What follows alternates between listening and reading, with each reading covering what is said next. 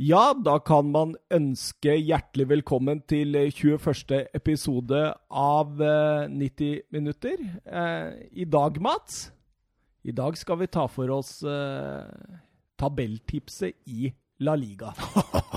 Det blir gøy, ass. Jeg Ja. gleder meg. jeg gleder meg. Og det er, det er jo ikke noe hemmelighet at uh, dette er din liga. Ja, jeg, den jeg har fulgt med mest de siste årene, i hvert fall. Ja, selv om Premier League er best, eller? Ja, jeg, kan, jeg går med på at eh, Premier League hadde, var best i fjor. Det så vi jo i Champions League, men uh, Hva skal vi si? Den flairen, altså den, den, den søramerikanske, latinske måten å spille fotball på. Åh, det er nydelig, vet du. Den dramatiske. Ja, den dramatiske, den teatralske, den Alt er uh, Nei, det er nydelig. Hver gang jeg ser La Liga med samboer, vet du, så pleier hun å si at eh, Hvorfor er de så mye mer dramatiske? og det, det, det, Alt er så mye mer følelser der enn i Premier League, da. Ja, det er, altså, jeg vil ikke si at det er mer finspillende. Det, er jo, det kan være litt uh, tøffe tak i La Liga òg, men, eh, men det er liksom noe, noe eget spesielt og vakkert over, over La Liga.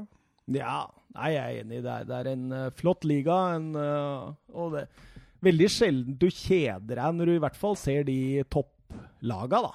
Ja, altså Jeg har jo også lært meg å kunne følge med litt i de lavere nedover i samme liga, så man, man lærer seg å sette pris på det. Absolutt. Absolutt. Um, var det ålreit å ha besøk sist episode, eller? Ja, Ole Martin kunne sakene sine, han.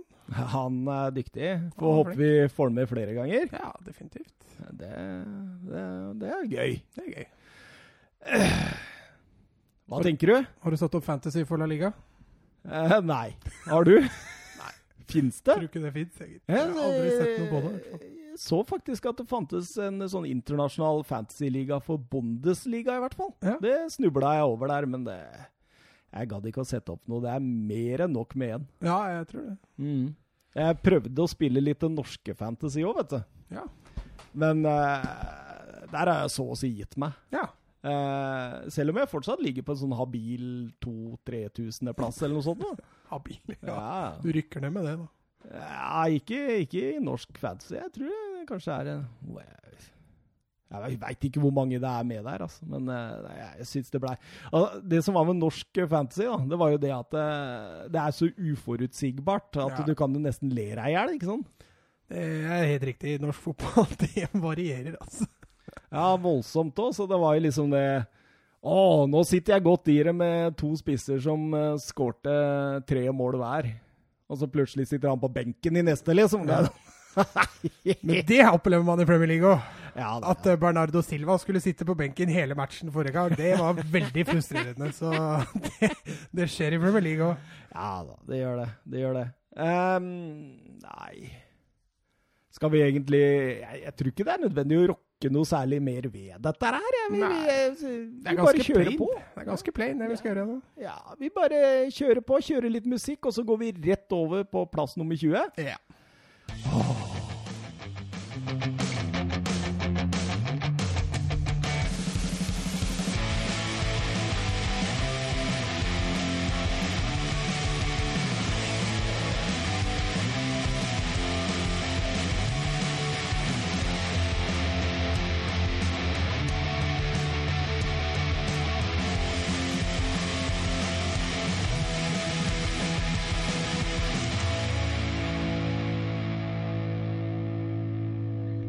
Ja!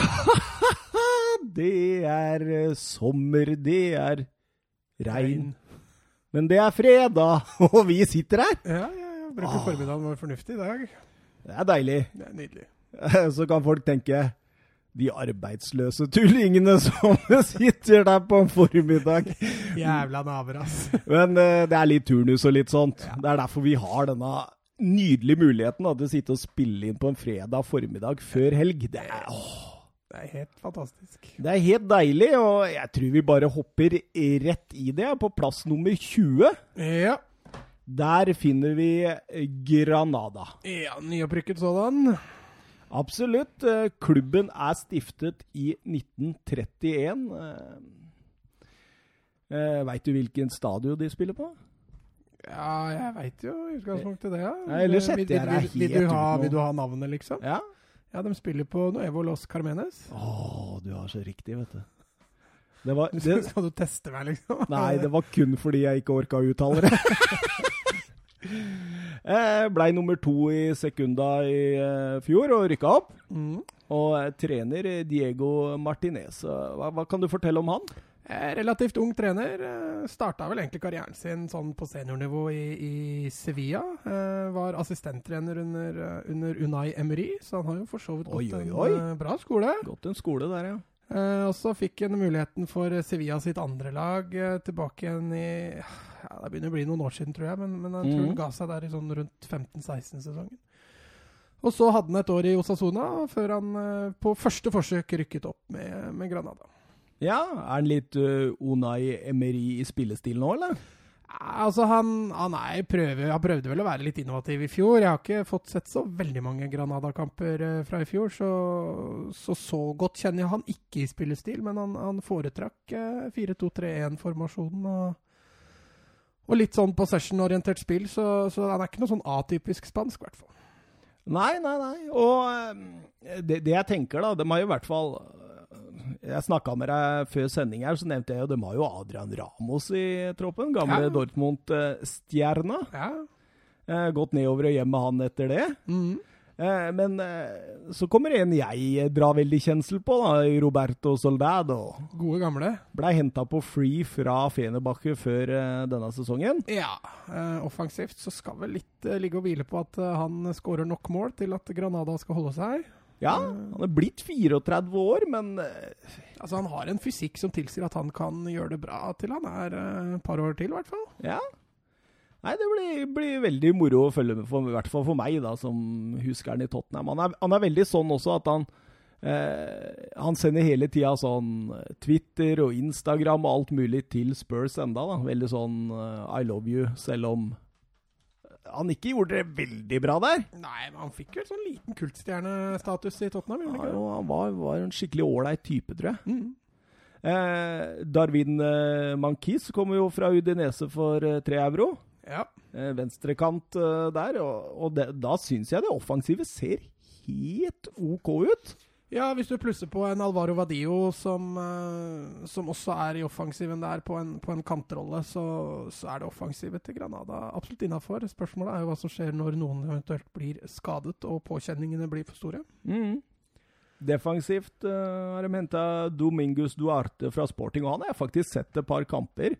Eh, aldri slått helt igjennom, men en stopper ved 24 år, som kan vise seg å bli utslagsgivende og et bra kjøp. Ja, og så har de også leid inn en Herrera fra, fra City, så de har jo prøvd å gjøre det så godt som mulig med de midlene de har. Men hus, si, største utfordringa også til Granada er jo det økonomiske. De er jo en klubb som, som sliter ganske mye økonomisk og har vært på randen av konkurs flere ganger. Eh, så får vi se om de eh, greier å holde seg i år. Vi tror det blir tøft. Vi tror det. Dem, jeg ser også de ligger på minus i, i økonomi i forhold til spillere inn og ut uh, i år også. Ja. Det blir det.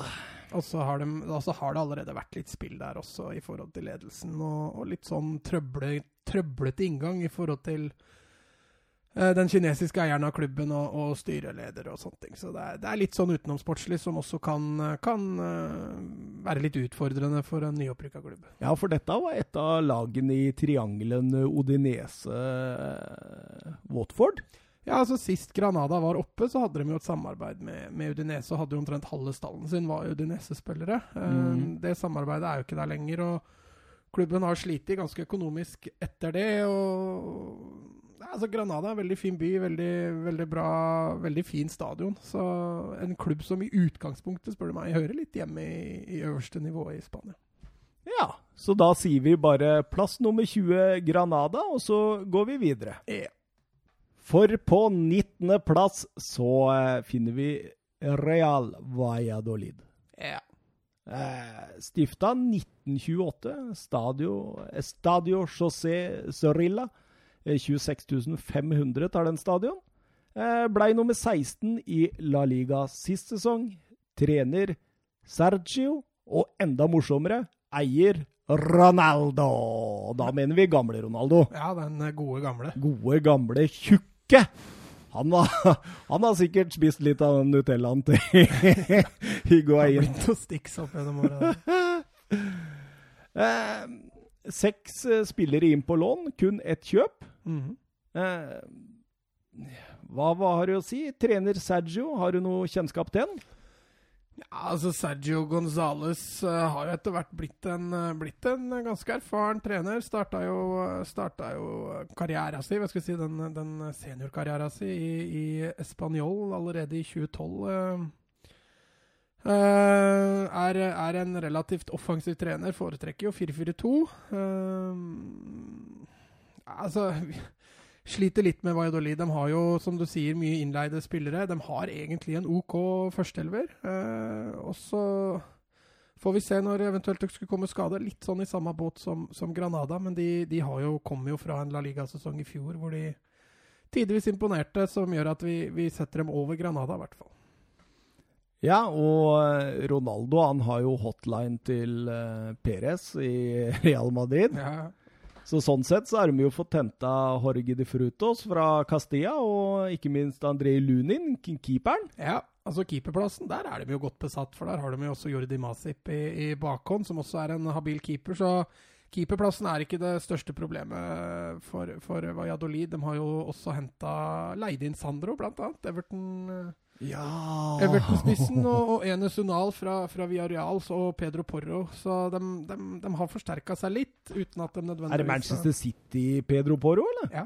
Ah, yes. Så de, de, har, de har jo forsterka litt, men de har bl.a. mista Calero da, til, til Espanjol. så Så City greier å låne ut unggutta sine òg, så de bare gir ikke alle bort. Nei, ikke alle de har gitt bort. ja, men Det var godt å, godt å høre det, da. Nei, men eh, Men han der, um, han der Sandro Ramires det er, er det noe futt i han enda? Ja, altså, han tror jeg Vi, var jo, vi har vært innom det på en tidligere episode. At, Ja, jeg eh, husker det. Men forrige gang han var lånt ut til en klubb som ikke det var så store forventninger rundt, så presterte han jo fortsatt ikke noe sånn supermange mål. Og litt redd for at uh, mye skal avhenge av at han skal passere 15 mål for at uh, Valladolid skal berge plassen. Mm. Tror ikke han greier det, basert på tidligere, tidligere achievements. Så, så får vi se, da. Det gode gamle Sergi Guardiola Eller god gamle, han er ikke så gammel, men uh, kom jo i fjor, i januar i fjor og var, var et frisk pust når han kom. Men også han sleit jo med å finne målet nettmaskene. Er det bror Guardiola, eller? Nei. Nei. nei. Åh. Så blir de jo nok en gang avhengig av, uh, av Ruben Alcaraz. Hadde jo en uh, nydelig sesong i fjor, og så må han uh, fortsette der ass, for at dette skal, skal bli bra. Ja, det er en ganske kompromissløs stopper. Ja. Ja, han, eh, han eh, Det er en stopper etter min, eh, min smak. Men det er en stopper også Valladolid trenger, litt sånn som bryter opp og litt murbrekker-type. Uh, Valladolid er ikke nødvendigvis et veldig fint spillende lag, de er et direkte fotballag. Og så er de avhengig av å, å, en Alcaraz bak der for at det ikke skal gå altfor mye mål inn bak. Og så igjen De eies av Ronaldo. Det har ikke fokus på det nå i sommer. De holdt plassen i, i fjor, da, men vi sender dem eh, ned. Ja, altså Noe av grunnen til det er at det, det har ikke vært de helt store forsterkningene sånn vi ser det. Altså Porro for all del er en bra spiller. Sandro tror vi jo kommer til å, å, slå, å falle litt igjennom. Eh, og så har du keeperplassen da hvor de har leid inn Lunin, hvor de egentlig allerede har en eh, bra førstekeeper. Så, så noen sånn voldsom forsterkning er jo heller ikke det. Så Han bruker for mye penger på burger og cola, han der Ronaldoen, Ronaldo, vet du, så det blir ikke, blir ikke noen spillere. eget Mækkern-budsjett. Ja, nei, men det var eh, 19.-plassen, og da har vi sendt to ned. Mhm. Så får vi se hvem eh, siste lag vi sender ned er. Ja. Og det siste laget altså som vi sender ned, er Mallorca. ja. En ynda ferieplass for nordmenn. Ferieballøya. Ja. ja. Stifta 1916 og spiller til daglig på Ono Estadi. Ta tar 26 500. Eh, Blei nummer fem i sekunda, men eh, vant eh, playoffen og rykka opp. Ja. Trener eh, Vicente Moreno. eh, 4-3-3-type. Eh, baserer mye av spillet sitt på diamant. eh, fortsatt. Det er diamanter og triangler hele veien. ja. Eh, også enorm prestasjon, da, fordi de rykker opp fra Sekunda B til Sekunda til La Liga.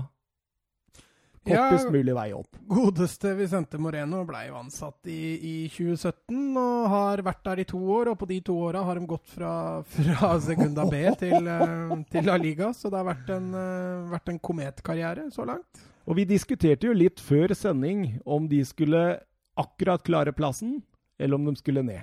Altså, de har gjort De har uh, henta et helt nytt lag. Uh, Riktignok litt innleide, gratis og betalt svært lite for spillere. Uh, men, men de har prøvd å gjøre en omstilling der for å, for å berge plassen.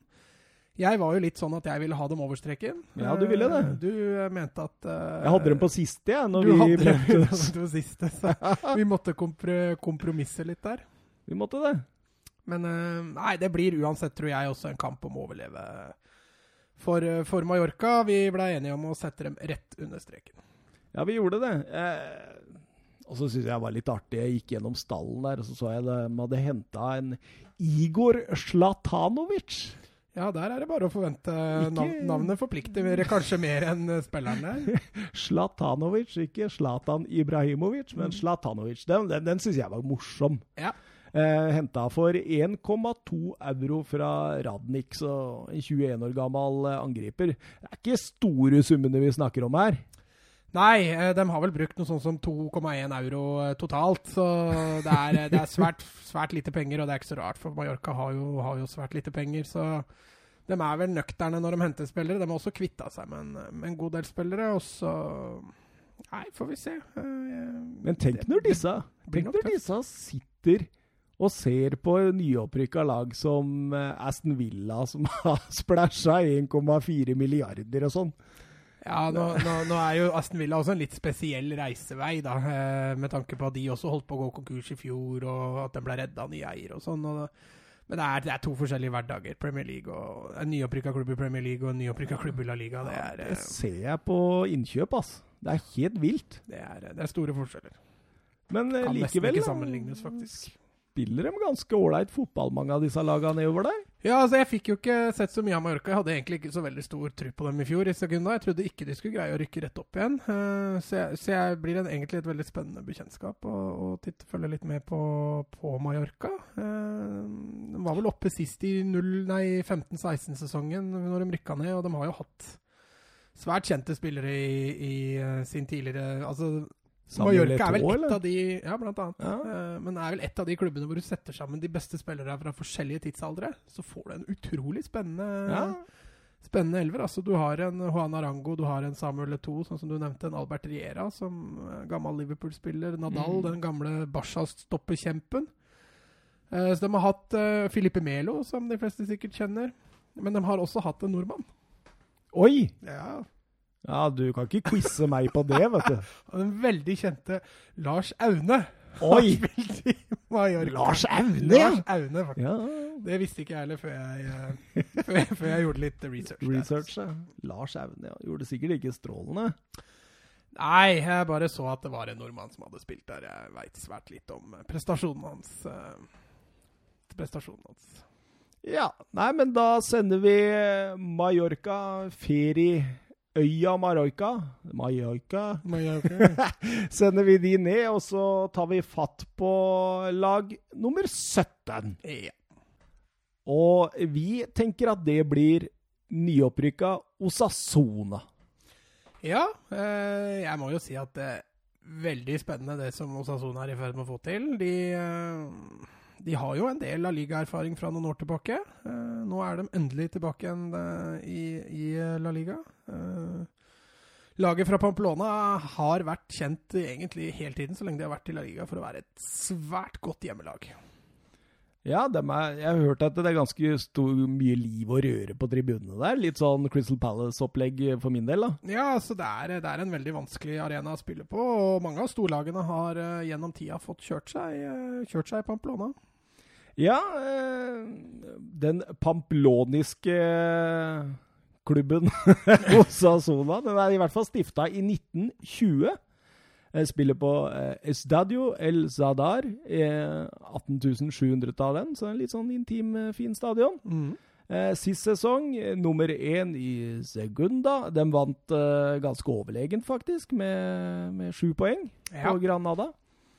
Og eh, trener er eh, Yaguba Arasate. Ja, han kommer fra Eller kommer fra Han hadde et opphold i, i Numancia før han dro til, eh, dro til Osasuna, men, men har vel lært mesteparten av fotballen sin i, i Real Sociedad, hvor han begynte seniorkarrieren sin.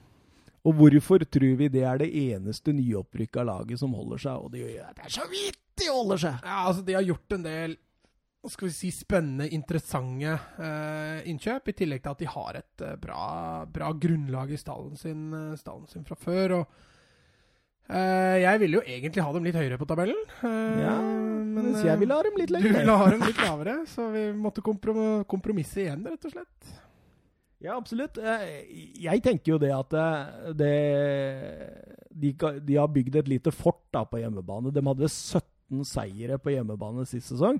Det er voldsomme tall. Ja, og det er tall de Altså, de bør ikke gjenskape så voldsomme tall i La Liga, men de bør jo helst stikke av med en, eh, en 13-14 seire på hjemmebane i år også, hvis de skal holde plassen, og det tror jeg de gjør. Ja, så har de henta Marc Cardona fra Barcelona. Mm, Som var på spennende. utlån i Eibar eh, sist sesong. Mm. Eh, hvis han eh, får eh, beina i sving der, da, så kan det bli bra. Så for det er en ganske, ganske bra spiller. Ja da, absolutt. De har jo også henta Roncaglia fra, fra Celta, en spiller vi har slakta tidligere i Ja. Jo, jo, men, Men altså, det var for for- Valencia i en semifinale i Europa League. Definitivt. Så uh, er, det er en klar forsterkning for, Ja. for det defensive i Osasuna. Vi kan ikke blande drops og sjokolade, vet du. Så det, når du er der nede, da, da, da kan han være en eh, god styrke for dem. Og, og så har de jo eh, også henta en fra Betis, en bulldoser i Darko Brasanak. Mm. Mm. Han eh, Han er en sånn type som liksom Han Han passer inn i de hjemmekampene til. Ja, i hvert fall. for det gjør vondt. En ordentlig kriger. Eh, og så har de også fått inn eh, Ibanez fra, fra Getafe, som jeg også tror passer perfekt inn i, i spillestilen til Osasuna. Så blir det spennende å se. De har leid inn Raúl Navas fra, fra Sociedad samt gode gamle Adrian fra Åh, Adrian! Ja, nå husker jeg ikke i farta hvor han kom fra, men uh, Er det gamle Gamle, Gamle? Arsenal Ja. og, og Atletico Madrid-spissen, så han eh, kan eh, ha litt å by på. Ja, så litt sånn uh, spennende lag. En uh, brukbar trener og en ekstremt hjemmestatistikk uh, gjør at vi eh, tror at de holder seg. Ja. Og eh, 17.-plassen går dermed til Osasona. Ja. Og da drar vi videre, da, oppover tabellen, og vi kommer til nummer 16. Og der har vi funnet plass til Levante. Klubben som er stifta i 1909 og eh, spiller på Estadio Ciutat eh, de Valencia. Eh, 25 000 tilskuere tar den. Ja. Eh, blei nummer 15 eh, sist sesong, eh, så vi eh, sender dem én plass ned. Og er altså leda av, av Paco Lopez. Ja, jeg ville jo nok en gang ha klubben lenger ned. Jeg skulle tro jeg ville sende ned alle klubbene, men, eh, men eh, Nei, altså Levante er en, er en sånn krigerklubb. Eh, Man, veldig mange at man, man tipper dem nord og ned, og så overlever dem akkurat. Og sånn har det vært egentlig i mange sesonger nå for, for Levante. Men Paco Alcácer, meget rutinert, erfaren trener. Eh, hvis noen skal greie å holde plassen, så er det vel han som skal greie å berge Så er det det Paco Alcázar. Nei, Paco Alcázar. Paco Lopez. det blir for mye Pacoer. Blir så mye Pacoer. ute. Holdt seg unna der foreløpig, i hvert fall. Kanskje om noen år. Eh, Kanskje om noen år. Men eh, nei, Paco Lopez, en meget erfaren, rutinert uh, trener. Så nei, jeg, jeg ville i utgangspunktet ha dem rett under streken, men uh, jeg lot meg tilføye. Jeg tror, uh, tror vel også kanskje Levante har gode muligheter til å holde plassen. Du veit det var bare tre lag som skåra mer mål sist sesong? Ja. Men, Men, hvor mange eh, lag var det som slapp inn uh, flere? Det var ett. Men nå kommer Ruben Veso inn vet du, for å tette hullene i midtforsvaret der. Henta for uh, fem euro fra Valencia. Mhm. Uh, kan bli spennende. Sergio Leon. Det er en veldig spennende signering fra Betis. Mhm. Og Majoral han fortsetter lånet sitt. Ja, han tar et år til. Ja, så sa jeg til deg jeg skulle jammen sjekke hvor mange mål han hadde i Levante sist sesong. Ja, det var ikke så mange, tenker jeg. Nei, altså Han skårer hver tiende kapp, han cirka. Ja. Så en skikkelig goalgetter der, altså. Men han oh. gjorde det jo OK i U21-EM eh, for Spania nå. Tror vel han eh, bør forvente at han skal bikke ti skåringer i år, i hvert fall. Men kanskje det største tapet Levante eh, har i år, er uh, Jason, som har gått til, til erkerivalen Valencia. Oh. Den forbudte vei i Valencia der. den forbudte vei, ja. Det er, det er flere som har gått den forbudte vei. Og det, jeg skjønner ikke hvorfor de gjør det, da. Nei, det kan du Det er jo et hav å ta. Men, men allikevel et stort steg opp for Jason å gå fra Levante til Valencia, selv om han sikkert ikke behøver å flytte. Nei. Så, men, men for all del, Levante er en, er en sånn, har en stayerevne i La Liga. De, de uh... Nei, det er, det er vanskelig å tippe dem på Nerik òg, jeg er enig i det. det. Ja, det er det. Tror, tror de kan hevde seg, hevde seg bra. De er bare to plasser over, så det, med det så sier vi, vi jo egentlig at de kan blande seg helt ned der, altså. Ja, og det i perioder i sesongen neste år så tror jeg også at de, de kan fort ligge litt under streken, litt over streken. Det blir en kamp om å overleve, tror jeg. Så får vi se jo da om eh, José Luis Morales kommer over ti mål i år også. Han hadde tolv i fjor. Eh, ja.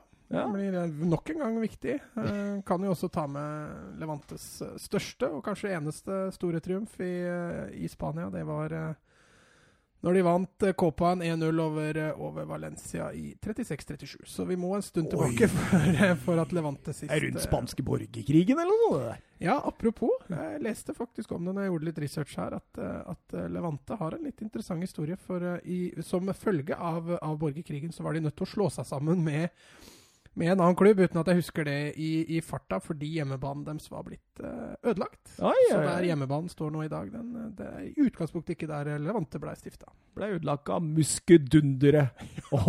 Kanoner. Oi, oi, oi. Ja, det kan jo kanskje ryke noen kanoner i målet der i år også, så vi får uh... Ja, Fortsetter en trend fra i fjor, så er det i hvert fall interessant og artig å følge med.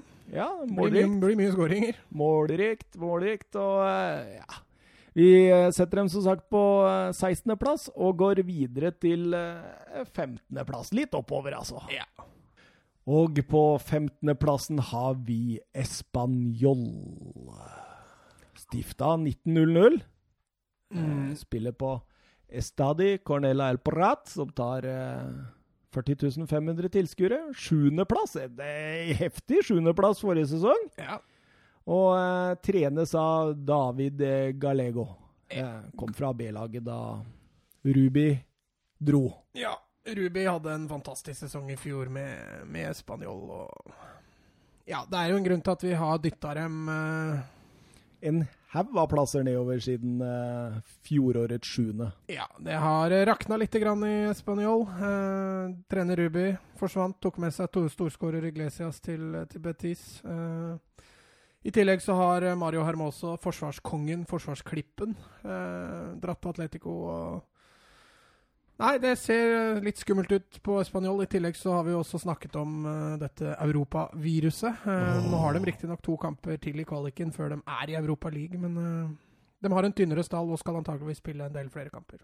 Det kan bli tøft. Det kan bli tøft. Men de har beholdt Mark Rocca, da. Foreløpig Ja. Uh, nå er det jo bare England eh, det overgangsvinduet er stengt. Men han har jo vært sterkt lynka til Bayern, blant annet. Bayern, I, ja. I sommer uh, blir utrolig viktig for dem å beholde Mark Rocca. Uh, skulle han finne på å dra, så kan de fort også blande seg helt ned i båndstriden. Jeg er redd, altså. Er det ikke gamle klubben til Pochettino? da? Det var egentlig der Pochettino slo gjennom som manager. eh, og Spanjol har egentlig gode tradisjoner for eh, trenere. Eh, så Gallego har, eh, har en jobb å gjøre. Ja, hva, hva tenker du? Hvem er deres viktigste spillere denne sesongen, da? Eh, nei, de har jo et par rutinerte på, på midtbanen. En, en Sanchez, en, Ro, en Roca, og, eh, som kommer til å bli eh, Og Granero, ikke minst, som blir viktig. De har en Vuley som har gjort det meget bra i oppkjøringa og i Europa League-kvaliken. Og så har de jo gode, gamle Diego Lopez eh, bakerst. Så har de jo henta en Calero, da, som kom fra, fra Valladolid til å erstatte Hermoso. Det blir eh, Det er store sko å fylle. eh, Og Sergi Darder? ikke minst. Ja, den, den, kan, den kan bli spennende, da. Den eh, kan absolutt den gode gamle Sergio Garcia på topp. En sånn ordentlig kulthelt uh, à la Raúl Tomedo nesten eh, på topp der, så mm, Nei, jeg, jeg, jeg føler litt med spanjol. Jeg skulle ønske de eh, hadde greid å beholde de største spillerne sine, for det er, eh, Det er en klubb med meget gode fasiliteter og en helt nydelig ny stadion, som de ikke er i nærheten engang av å fylle opp. Så mm, det er litt synd å se at klubben, når de først greier å komme seg så høyt som de gjorde i fjor, ikke greier å Eller vi tror da de ikke greier å stabilisere seg der. Fins det noe lag i en storby som er mer lillebror enn Español? Nei, ikke på det hvor, hvor alle hvor lagene spiller i øverste divisjon, så, så er det Er det litt sånn uh, storebrorskompleks der borte òg, etter hva jeg har forstått? Det er klart det. Piquet var vel forbanna på dem, har sendt flere stikk. Ja, det har vært mye, mye, mye drittslenging i begge retninger, egentlig. Men etter at Español bygde sin nye stadion, som, som ligger utenfor Barcelona by, så har jo både tidligere presidenter i Barcelona og spillere vært ute og, og i gåseøynene mobba dem litt for at de ikke lenger er katalanere. Og det, det er klart, det tar man seg nær av når man er katalaner. ja, det er det Piquet driver og sier hele tida. ja, litt stikk, litt for å få litt sånn rivaleri, tenker jeg. Det er jo artig, det, da. Ja, altså, Spanjol har jo også hatt store problemer med å slå Barcelona i spill. De greide det jo i, i Copa del Rey i fjor, og det blei ble fantastiske scener. De slo dem riktignok ikke ut, men de vant det ene av to dobbeltoppgjør der. Og Tapte siste, eller? tapte siste. Men, eh, men den fotballgleden som vises da, og også fansen, det er klart sånt bidrar til å skape engasjement. Ja. Español eh, 15.-plass, og vi rykker videre til eh, 14.-plassen. Og eh, på den plassen så har vi eh, Eibar. Vi sender dem altså to plasser ned. Fra i fjor, ja. Ja. ja. Stiftet eh, 1940. Eh, hjemmebanen deres. Åssen uttaler du det? Det er sånn det er Kan ikke du prøve? Municipal? I Purva Municipal? Municipal Stadium, ja. Municipal. Eh, 6200 tilskuere tar den. En knøttstadion i denne målestokk. Ja, vårt kjære Åråsen er jo nesten dobbelt.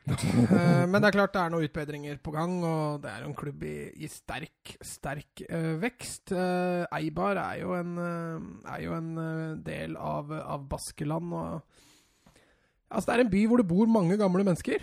Eh, sånn at, eh, og, og hjemmebanen ligger på en sånn fin liten topp, så det er mye blokker og sånn rundt hvor du får fin inngang til kampen. skjønner du, Så du kan se en, Kjøper du riktig leilighet, så får du kongeutsikt. Oi, oi, oi!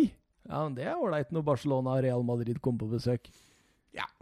Men, eh, Nei, altså Eibar eh, Dette er en sånn liten klubb hvor det er lett å få litt følelse for. De, eh, de spiller offensiv, eh, ordentlig trøkkefotball, og Mendeli Bar, som er en meget erfaren, rutinert trener, har gjort underverker med en knøtteklubb, rett og slett. Ja, det er jo Når jeg, når jeg ser Eibar og tenker på Eibar, så tenker jeg først og fremst på et sterkt kollektiv, et godt organisert lag som er ekstremt hardtarbeidende.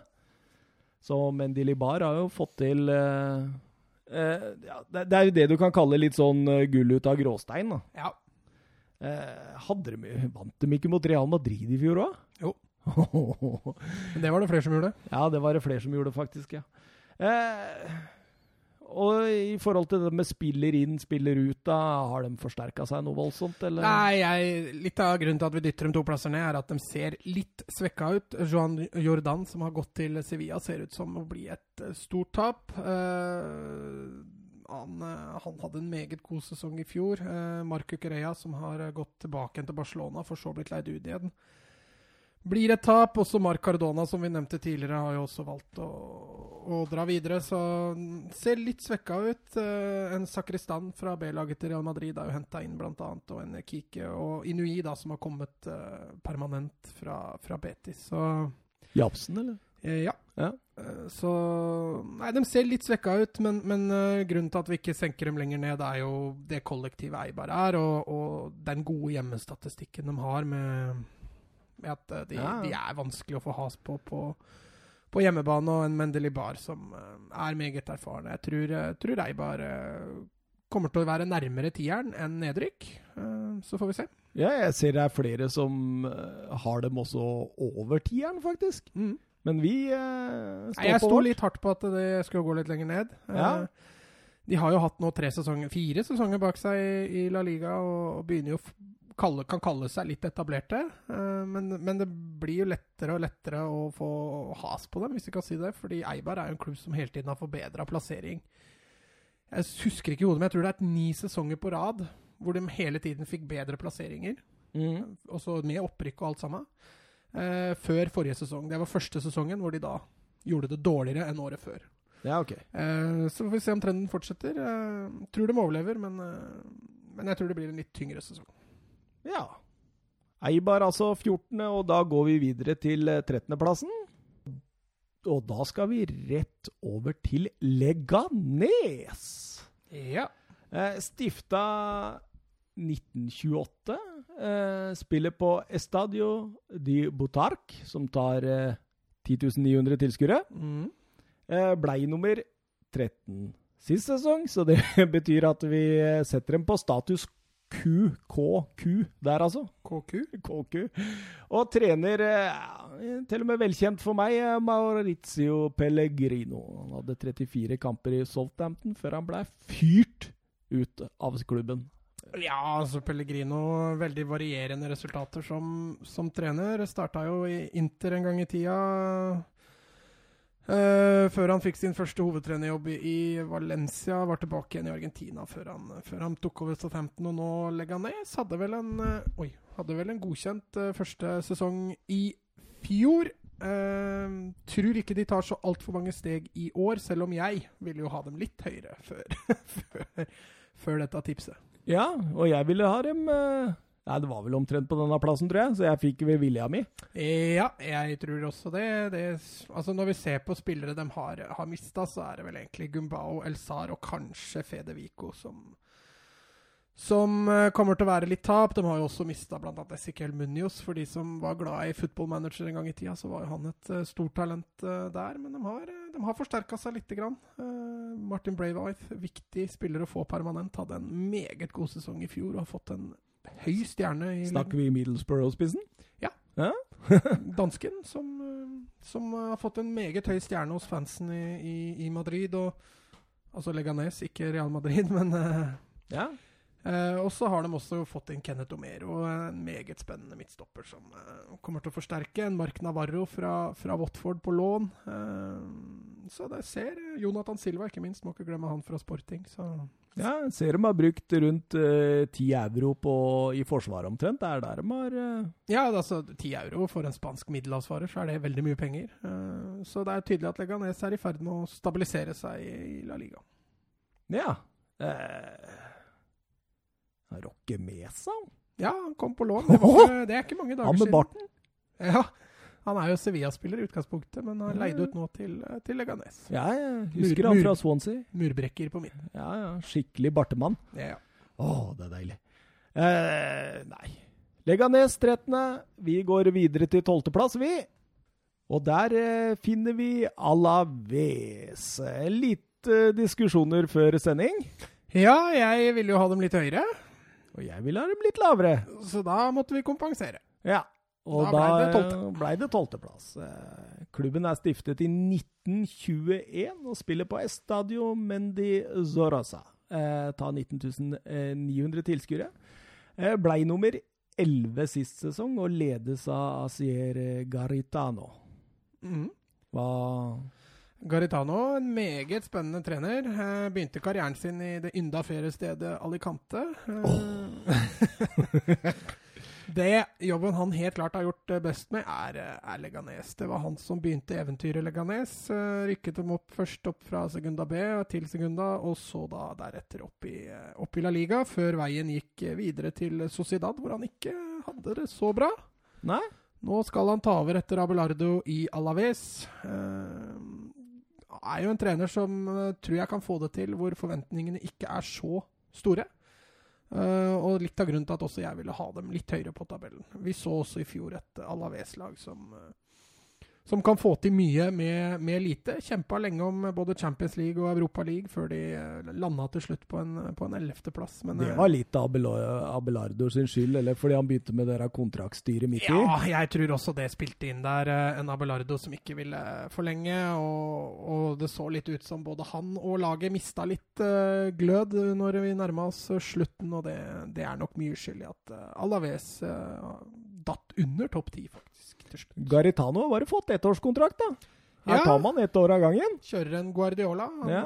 eh, Han, eh, altså Guardiola sa jo det at det er best med ettårskontrakter, for da er du motivert som manager hvis du har lyst på mer. Eh, kanskje det tenker litt sånn i den retningen også, men nei, jeg syns Alaves også har forsterka seg litt. Fått inn en Alais Vidal på lån fra, fra Sevilla, gamle Barca-spilleren, og en Pons Pere og en Joselu, ikke minst, fra, fra Newcastle, gode gamle, og så Lucas Perez da fra Hvor var eh, Lucas Perez? Han gikk jo fra Arsenal til Westham, Mm. og deretter til Alaves. da. Men hvor var det han var så utrolig god uh, før han gikk til Arsenal igjen? Deportivo La Coruña. Ja, det var det, ja. De, de, er, de er langt unna nå. De er i sekunda, altså. Det er et, eh, men de spilte jo annet kvalik i fjor, hvor de røyk mot uh, Mallorca. Men Lucas Perez, det bor litt i han, altså. Ja, altså jeg mener både Joselu og Lucas Perez uh, kan tilføre dette Alaves-laget noe, noe offensivt. Uh, så blir det jo spennende å se hva de får til defensivt. En Maripan uh, på stoppeplass, en Thomas, Thomas Pina sentralt, og ikke minst John Gudetti på midten, nei, på topp der. De har, de har litt strengere strengere å spille på. Åssen går det med han Guditti nå? Han var jo så i fyr og flamme for et par år sia. Ja, det stemmer det. Han, han liker seg tydeligvis i La Liga. For uh, han bytter jo klubber, bakgårdsklubber i La Liga Ja. hyppig. Uh, men han slår aldri, slår aldri helt til. Nei. Var Bestekompisen til Zlatan. Ja, Ja, ja. stemmer det. Men det er også en nordmann som har spilt der. Den ja lett. den Den veit jeg. Det er Dan eh, Eggen. Ja. Men har ikke også Demidon vært der? jo, stemmer. Men jeg ville ha én, sa jeg. Ja, men da fikk du to. Ja, Men Demidov var ikke der så lenge. Nei, det var lån. Det var lån. Ja, stemmer det. Eh, har du sagt det du skal si om, eh, om Alavis? Ja. Ja. Da går vi videre til plass nummer 11 rett under midten. Og på den plassen, Mats, der har vi The Yellow Submarine Vi er real. via Real. De er eh, stifta i 1923. eh, Spiller på La Ceramica, eh, som er kjent som El Madrigal. I hvert fall for deg. Ja. Bedre kjent som El Madrigal. Eh, har plass til nesten 25 000 tilskuere. Sist sesong nummer 14. Det betyr at vi sender dem tre plasser høyere opp. Vi hadde en liten greie om det der, fordi når vi satte oss ned for å bestemme dette, så ville jo begge ha dem lenger ned. Vi tapte diskusjonen, begge to. Ja, Jeg skjønner ikke åssen det er mulig, men eh, det, vi begge, dem begge ville ha dem på tolvte, men de endte på ellevte her. Ja, ja, ja. Men ellevte plass, vi kan stå inne for det, vi. Ja da. Eh, kan du si noe om eh, Via Reals eh, yndige trener? Havi Kajea, ja, altså han uh, har hatt en litt trøblete fortid. Det ble jo sparka i Villarreal i fjor. De hadde jo en meget dårlig sesongstart. Ja, Er det han som blir gjeninnsatt igjen og sånn? Ja, stemmer. Ja. Uh, han uh, eh, starta jo svært dårlig, lå lenge på nedrykk. Uh, kvitta seg med Kajal, for så å ansette den igjen da to måneder etterpå.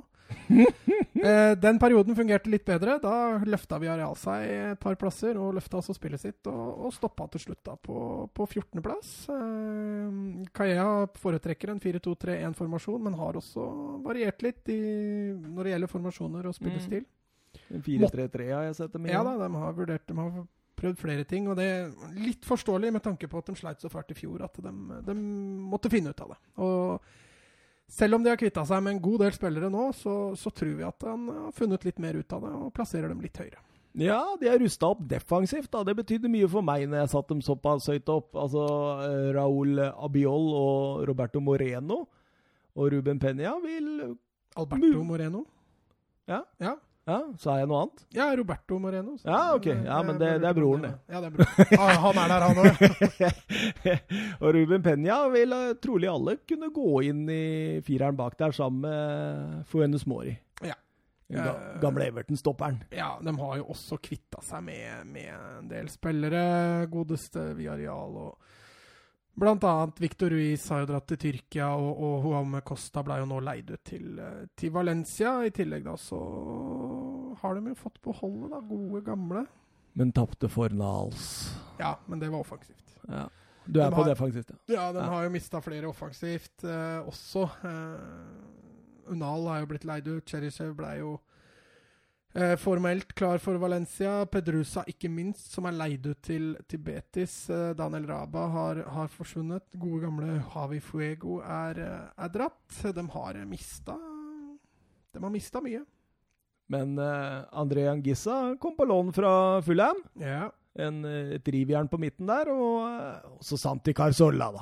Ja, han er jo, han er jo der. Uh, og så har de jo et av mine absolutte favorittalenter i, i Samuel eh, Chekwese, som vi Ja, han lille Han ble jeg glad i fjorårssesongen, og, og, han imponerte også stort i, i Afrikamesterskapet. Um, så nei, de, de, har et veldig spennende lag. De har Offensivt så har de også gode gamle Carlos Bacca og Gerard Moreno, som kan også skåre en del mål, i tillegg til Ekambi. Så offensivt ser det meget bra ut for, uh, for Viareal også. Uh, så får vi se. Sergio så hvis de har styrka defensivt, da, og det ser bra ut offensivt, så er det jo greit, da. Ja, de har også noe som du ikke nevnte defensivt, Mario Gaspar og en, og en Sergio Ascencio i mål, som var en periode sett på kanskje som et av verdens største keepertalenter. Jeg husker men, han var god på FM. Ja.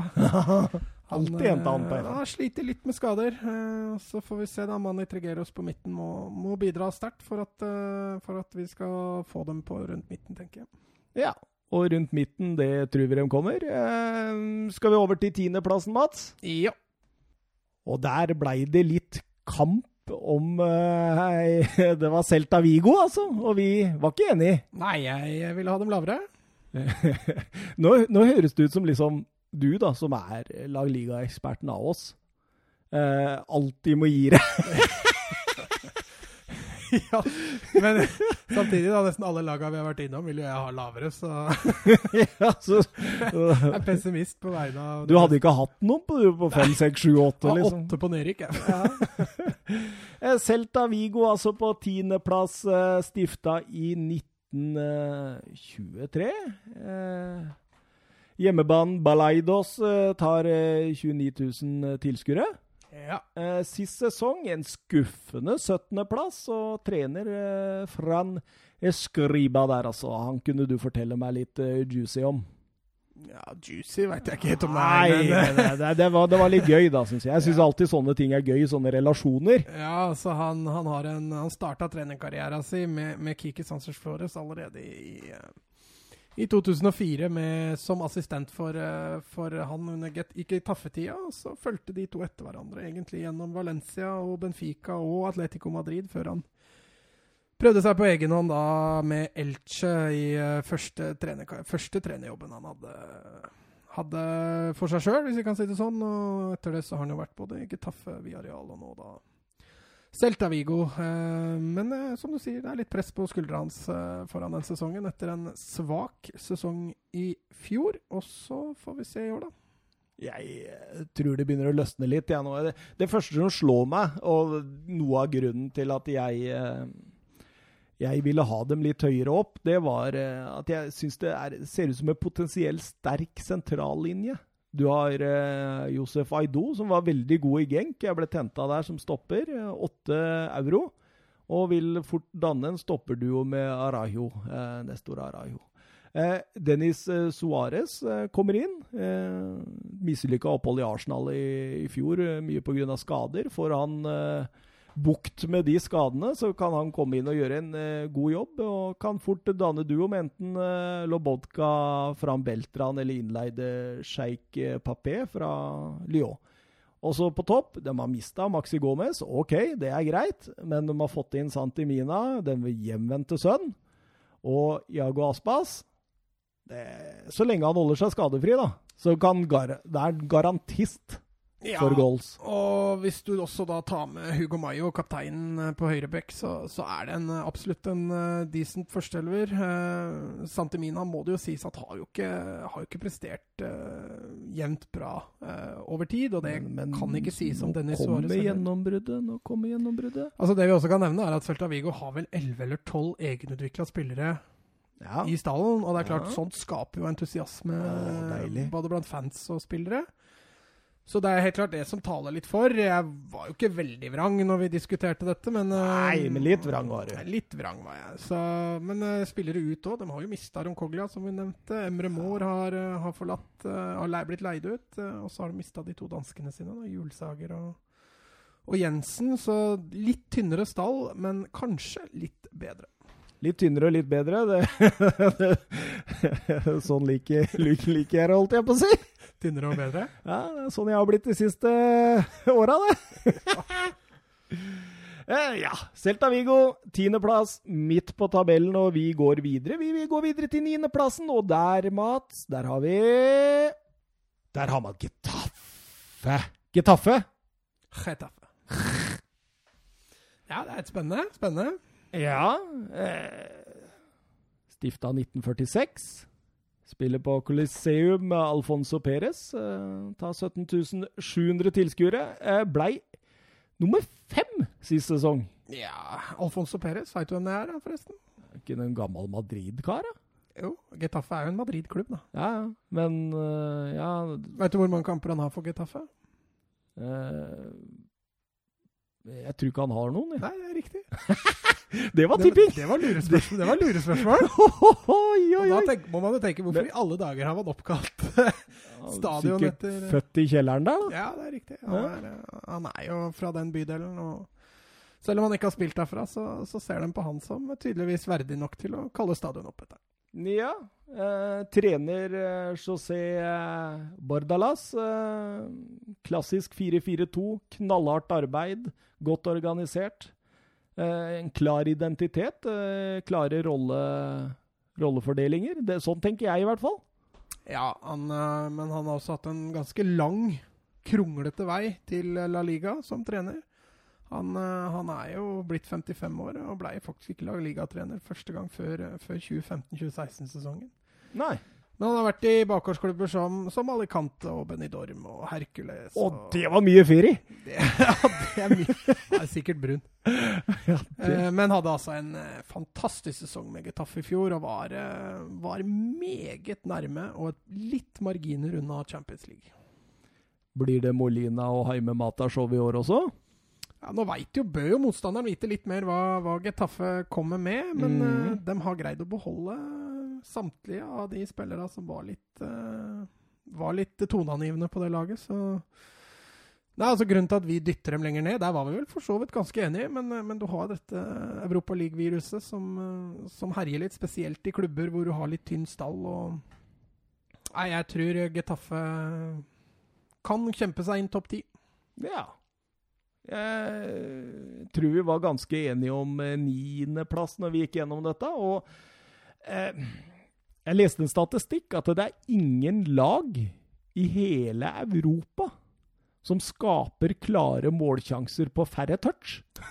Men det, det er vel egentlig et godt bilde av, av Getafe. Det går, eh, går hurtig framover og vinner gjerne ballen høyt, så høyt som mulig i banen med, med et aggressivt press, men kan også spille ganske godt organisert defensivt. Kan du fortelle meg litt om han eh, Molina, eller? Det er jo en kulthelt av de store. Han har vel passert 37 år nå, kaptein på, på dette Getafe-laget, og, og skåra jo til å være 37 år ganske mange mål i fjor. Jeg husker ikke mange han stoppa på, men det var vel rundt en 13-14 mål. Ja. Så han, eh, han blir nok viktig også i år. De har jo også fått henta Maksimovic eh, permanent. De har også forsterka med Alan Nyom fra VBA. Og Marco Carreia har jo kommet inn fra, fra Barcelona. Så, så de ser litt forsterka ut, og har også kanskje dermed fått en litt breiere tropp. Men uh, ja. ja, men jeg tror nok dette europaviruset tar, tar litt overhånd. Men at de skal få en ny OK sesong, det tror jeg absolutt de kan. Deilig. Litt ned, men eh, fortsatt eh, habilt skal vi videre til åttendeplassen. Ja. For neste lag vi skal da snakke om, eh, er Real Sociedad.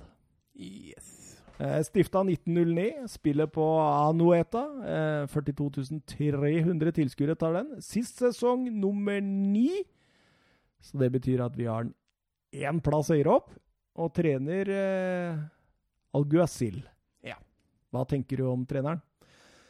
Nei, han har et meget spennende lag nå. Jeg tror han uh, fort kan uh, Ja, jeg tror også Sociedad har potensial til å gå enda litt høyere enn det vi har tippa dem nå, men Ja, Det for jeg vil ha dem litt lenger ned. du vil ha dem litt lenger ned. Uh, Men altså, det er veldig ungt, og det er det som taler litt taler litt imot eh, det Sociedad eh, skal komme med i år. Men eh, nei, det ser meget spennende ut, dette Sociedad-laget. Og jeg tror vel kanskje vi får noen ekstra norske fans som heier dem fram. På grunn av unggutten fra Drammen? Eh, ja. Ja. Men når jeg ser Real Sociedad og går gjennom lagoppstillingen og litt sånne ting, så ser jeg det at det, det er et sånn markant skille. Fordi den offensive delen er ekstremt bra. Eh, ja, og ung og lovende. Ja. Den defensive delen, der finner jeg egentlig bare Diego Lorente som en sånn åpenbar eh, spiller i en klubb som skal ta høyde for å prøve å kjempe seg om europaplassen i La Liga. Ja, altså de har, Det er helt klart det defensive hvor, det, hvor vi er litt i tvil om hva de har å komme med. Altså Du har en Suldua også som, som er eh, fremadstormende og, og kan være med å kjempe litt der. Men eh, det er litt defensivt. Vi stiller litt spørsmålstegn til dette Sociedad-laget. Ja, og eh, Men fremover er det jo cornflakes med sukker og melk. Ja, Det altså er en, fantastisk. en Jaramendi og en unggutt ved navn Miquel Merino skal styre sentralen der, og da har de også faktisk en Ruben Pardo i bakhånd. Og så Ja, nei, offensivt ser det Åssen stiller de opp eh, fremme der? Blir det Martin fra starta? Jeg vil tippe at det blir en slags 4-2-3-1, hvor en Ødegaard får den offensive midtbanerollen. Og så har vi jo Oyar Sabal på ene kanten, da. Så det blir spennende å se hvem han varger som midtspiss. William José er jo svært godt likt og har prestert meget bra, men de har jo henta Alexander Isak, så Ja. der blir det ordentlig kamp om plassene. Og så selvfølgelig Porto, da, som, eh, som også blir veldig spennende å følge. Ja, det jeg, Det er dette laget jeg gleder meg mest til å se, da, men det er jo mest pga. Martin Ødegaard. Jeg håper virkelig han får et sånt gjennombrudd nå. Ja, vi skulle jo ta dette som hovedrundens hovedkamp, eh, Ja, sammen med en annen, en annen fra Premier League. Så vi får gå gjennom, vi må se matchen og gå gjennom. Det blir spennende. Det blir veldig, veldig gøy. Jeg gleder meg ekstremt til den kampen. Eh, skal vi bare eh, si ha det Real Sociedad og gå videre til sjuendeplassen? Ja. Og der finner vi Athletic Club, eller Athletic Bilbao, som mange sier. ja. Bedre kjent som. Bedre kjent som stifta i 1898. Ja. En Ja. av de eldste klubbene, det. Mm, eh, spiller til daglig på San eh, Mames. Eh, 53 200 tilskuere. En av de nyere stadionene i Spania. Åh, vakkert. Det er en eh, meget eh, pen stadion. Eh, blei nummer åtte sist sesong, så vi skyver dem ett hakk høyere. Ja. Trener eh, Gaishka Garitano eh, bygger videre på kontinuitet, kan du si. Det er vel vært litt sånn typisk denne klubben. Ja, nå har ikke han vært der så lenge, men eh, de sleit jo fælt i fjor. Eh, trener sparka, Garitano kom inn. Eh, og gjorde det meget skarpt. Litt av grunnen til det, at vi setter dem så høyt, er nettopp pga. han, og det er den jobben han gjorde når han eh, kom inn. Så det blir spennende å se når han nå får en hel sommer på seg, om han uh, greier å ta det ett steg videre. Så blir det jo spennende med Inyaki Williams, da. Jeg så han hadde skrevet niårskontrakt. Ja, og den utkjøpsklausulen, den var ikke billig. 1,3 milliarder. Yeah. Ja. Det er litt typisk Bilbao. De jobber på den måten. Det som gjør at Bilbao er egentlig en klubb du bare må respektere, er, er denne baskerregelen. Nå er nå har de tøyd den lite grann, men du må rett og slett være basker på en eller annen måte for å få lov til å spille der. og Det gjør at overgangspolitikken i Bilbao ja, Det er litt lettere å være sportslig, sportslig ansvarlig Men der. er Ini- Inyaki Williams basker? Altså, Nå har ikke jeg sjekka bakgrunnen hans, men, eh, men de tøyer den strikken litt eh, innimellom. Eh, du har jo flere sånn type Laporte, som egentlig er franskmann, men som Mm. hadde en baskisk bestemor som gjorde at han Ja. kunne spille. Og, de tøyer den jo litt, men, eh, men i utgangspunktet, ja. Det er derfor de også tar opp så mange unggutter fra, fra egne rekker hvert år. Og de, det er litt begrensa, det spillemarkedet de har å velge fra. Ja. Men tror du Fernando Llorente kommer på slutten av overgangsvinduet, kanskje? Det har vært noen rykter. Eh, Tidligere i sommer så sa jo, sa jo ja, Nå husker jeg ikke hvem av de i toppen som sa det, men vi har for mange spisser, og Jorente var ikke aktuell. Eh, Nå har det sikkert kanskje forandra seg litt, da. Ja, men du, du, må, jo, du må jo ta Llorente tilbake, den hjemvendte sønn. Ja, så nå har jo også Adoris sagt at han, dette er den siste sesongen hans, eh, så Nei, vi får se. En Jorente ville jo helt klart forsterka dette laget. Det har vært moro. Jorente og Inyaki Williams uh, på topp. Da, da kan skape mye trøbbel for motstandere. For Ja, Inyaki. Williams han er rask. Han er kjapp, veldig ren og retta. Hvis han lærer seg å skåre mål, så da er en sjuendeplass absolutt innafor rekkevidde for eh, Bilbao. Tenk hvis Ander Herrera òg kunne dratt dit, da. Ja, altså har vi Martinez, Sander Herrera, Kepa altså, De har, de har mye ute Ja. der. De har det, altså. Og dette er jo en Eh, klubb- Jobber tydeligvis bra i akademiet, da. Altså, Ander Herrera kommer jo fra Saragossa, så Ja, han, stemmer, eh, han stemmer, er jo ikke født og oppvokst i Bilbao, men både Llorente og Martinez og Kepa Dette er spillere de har tjent eh, voldsomt mye penger på, og Bilbao er jo en av klubbene i Spania som har meget sunn økonomi. Ja. Eh, vi tror Atletic altså tar sjuendeplassen, som ofte gir Europaligaen. Ja, så lenge en av de foran dem da vinner Copa del Rey, så blir det Europaligaen. Og det har skjedd de siste åtte sesongene, jeg har hørt. Så den sjuendeplassen er nesten garantert. Ja, det skjedde jo også i år, som gjorde at Spanjol fikk Det er deil- deilig at de ikke gir den til tapende finalist. Ja. Det syns jeg, altså. At de bare går videre nedover. Det er deilig. Eh, sikker Europaligaplass, da. Det er neste. Plass nummer seks. Og da skal vi eh, videre. Vi drar til eh, Real Betis. Laget er stiftet i 1907 og spiller på Estadio Benito Via Marine. Tar eh, 56 000 tilskuere. Sist sesong nummer ti. Det var med Kike Setien. Denne Ja, ble, sesongen det nummer ti? Ja. Da Ja, må hvor, jeg, eh, huske feil. jeg mente å huske den ble nummer 14, men da husker jeg sikkert feil. Ja, eller så kan jeg ja. jeg, jeg, jeg, Nå, nå må bare fortsett å prate, du skal jeg Ja, sjekke. jeg kan-. Jeg kan prate litt om eh, den nye treneren, da, da. Ruby, som kom fra Español. Eh, det, jeg syns, det er litt artig, da, fordi eh, Ruby han er jo aldri mer enn ett år av gangen i en klubb. Nei, han eh, varierer veldig. Du hadde helt rett, det ble nummer ti. Å, takk. Eh, nei, han har vært litt å å, Hva skal jeg si farta? Han, Ja, men, men hør her nå. Girona-trener i 12-13. Assistenttrener i Barcelona i 13-14. Valladolid trener i 14-15. Levante i 15-16. Sporting Gio i 16-17. Huesca i 17-18. Español i 18-19. Og nå Betis i 1920. Det er, det er det villeste, villeste, villeste jeg har sett noen gang. Ja, altså det som også er, er eh, ja, hva skal vi si, det, er det interessante slaget. da, altså Han har jo, han har jo fått sparken i et par av de klubba, det bør jo nevnes. Han har jo ikke sittet i ett år og så, Og så valgt, og valgt å gå. Nei. Så litt sånn Sånn er det jo, men, eh, men den sesongen han hadde med Spanjol i fjor, var meget bra. Han fikk en meget god relasjon til både, klubb, både fansen og, og flere av spillere, så det var et kjempetap for Spanjol å miste han. På den annen side, Kiki igjen. Veldig synd, syns jeg. Mm. En utrolig artig spillestil og manager, selv om han Nå blir det mye mer direkte. nå blir det nok en litt annen type fotball. Legger nok om til fire bak og, og ja, tre kanskje på midten. Han har i hvert fall variert litt i, i treningskampene, så får vi se hva han lander på. Men det blir, eh, det blir ikke så omstendelig, i hvert fall som det var under Setien. Tunge salg. Ja, men eh, gode kjøp. Ja, ja, men eh, hvis vi tar salga først, da. Eh, junior Firpo eh, gikk til eh, Barcelona. Eh, Pau Lopez, eh, keeperen, dro til Var det Roma? Ja. Og Giovanni Lo Celso, da. Han eh, gikk til mitt kjære Tottenham. Ja. Det, er, det er tre meget gode fotballspillere. Absolutt. Eh, men eh, som du sier, da, så har de jo henta også litt spennende. da. Altså Fikir, ikke minst. Kanskje en av Ja, nå har jeg vært litt skeptisk til han, men jeg hører flere sier det at uh, det kan bli årets kjøp i Europa. Mm.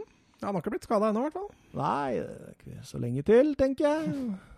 Eh, Borja Iglesias? Ja. Ja, bra. ja, så det Betis mangla i fjor, var en målskårer. Nå har de det. Ja, Juanmi Emerson Emerson fra Barcelona, så jeg. Ja, altså Han ble jo leid inn i fjor eh, til Betis. Han spilte jo i Betis fra januar i fjor, så han er jo litt innkjørt i det laget. Ja, og så Firpo-erstatteren eh, Pedraza, da. Ja, Også meget, meget spennende. Mm. Så henta de jo U21-keeperen til Spania. Dani Martin. Og det er vel han som kommer til å stå nå, da? Ja, altså jeg, Han har i hvert fall fått prøve seg i treningskampene. Robles har jo erfaringa. Martin er jo ung og lovende, så Nei, vi får se. Jeg håper det blir Dani Martin. Tror Ja. han har et uh, størst potensial. Men det, altså, nei, mye av grunnen til at man holder Betis, som jeg i hvert fall vil ha Betis høyt, er jo det at de har en, de har en meget spennende sentrallinje uh, med, med Bartra og og Mandi bak der. Mandi som kom og vant uh, Afrikamesterskapet nå med, med Algerie. Du har en Havi Garcia, en, en uh, William Carvalho, en Guardado, en, en Canales og en Fikir som kommer til å kjempe om, om midtbanen der. Den, uh, den, blir tøff. Og offensivt så har du som sagt Juanmi og, og Iglesia, som du nevnte, men også en meget spennende Diego Laines fra, fra Mexico. Mexicos Messi, som han har fått, allerede fått kallenavnet. Og så har du jo gode, gamle Joaquin. Mm. Men det er jo det når du kommer inn og forandrer en spillestil veldig markant. Vi snakka om det før Brighton. Uh, spilte veldig direkte, lange baller og skulle begynne med possession-orientert fotball. Det gikk bra i første serierunde, men vi hadde ikke spesielt tro på det. Jeg tror det er enda verre andre veien, egentlig. Når du er vant til å holde litt på kula, vant til å skape noen småspill med triangler og ja, alt men... mulig, og så skal du plutselig over men, til å spille mye mer direkte. Men uh, det er jo altså det er ikke en så fysisk fotball. altså Det er, det er bare litt annen spillestil. Ja, ja. Og jeg tror ikke den overgangen kommer til å bli så brå for, uh, for Betis-spillere. Ja, det skal gå hurtigere framover, men, uh, men, det er ikke nødvendigvis sånn at du trenger en Jostein Flo for at det skal gå bra. altså. Nei, vi, vi, får se hvem som har rett. Jeg ga meg for en gangs skyld. ja, jeg fikk endelig lov å, å sette et lag der, så det ja, var hyggelig. For jeg ville ha dem bak eh, Atletic og bak Real Sociedad. tror jeg ville ha dem på åttende. Mm. Mm. Eh, vi har dem på sjette, takket være deg. Så Nevnte du stadion og sånn? Gjorde jeg det? Nei, jeg ja, jo, for det var jo da du begynte å surre med når jeg sa at uh, Jeg sa jo at den ble nummer ti og sånn. Okay. Da begynte jo du å surre. Da var det jeg som surra. Ja, du tror du var nede på 14. Men det også det er jo, må nevnes, det derbyet der, i El Derby Civilenio, det, det er et heftig derby. Mm. Har man muligheten til å få med seg det live, så er det jo absolutt anbefale. Altså. Kanskje vi skal gjøre det? Det er, det er heftige saker. Begynne å spare, og så drar vi nedover. Ja. Eh, sjetteplass, da blir det, er, femte nå? Ja, det er Betis, da. Ja, sjette Betis. Femte Valencia er stiftet i 1919 og spiller på velkjente Stadio Mestalla. 55 000 tilskuere tar den. Sist sesong blei de nummer fire. De skal spille Champions League og trener Marcelino. Og så fortalte jo du meg i en episode litt tidligere at uh, dette Peter Lim, uh, Alemeni, Marcelo dramaet. Har det vært noe mer utvikling der, eller? Ja, ja, sist jeg hørte noe, var at de skulle ha et møte i, i, Kina eller Japan, eller hvor han nå befinner seg. Eh, det har ikke vært noe videre utvikling, annet enn at Alemeni fortsatt er i sportsdirektør, og Marcelino er fortsatt trener. Så da enten har det løst seg, eller så er det en uh, diskusjon som fortsatt pågår. Men hvis dette har uh, løst seg, så kommer jo det til å blusse opp med en gang det blir dårlige resultater. Ja, men jeg, jeg, tror ikke det heller har løst seg. Jeg syns Valencia fremstår svært svake på overgangsfronten så langt. Og de er åpenbart på jakt etter spillere som ikke koster én eh, krone. Mm. Eh, noe som kan tyde på at Peter Lim eh, holder lommeboka godt igjen. Eh, og det er noe av grunnen til at vi eh, setter Valencia ett hakk ned fra i fjor. Ja, og så kikka jeg litt på Jeg så litt på terminlista, bare for å se Kan det bli en potensiell katastrofe i starten her, mm. eh, som gjør at det der, der smeller fullstendig? Ja, De møter Sociedad hjemme, Celta Vigo borte, Mallorca hjemme, Barcelona borte i de fire første. Ja, så potensiell krisemaksimering der, så er det vel egentlig tre poeng, da. Så er det, ja, ikke sant. Og da, hvis det smeller da, kanskje Marcelino drar og sånn, da, da da kan de fort havne litt lavere, faktisk. Ja.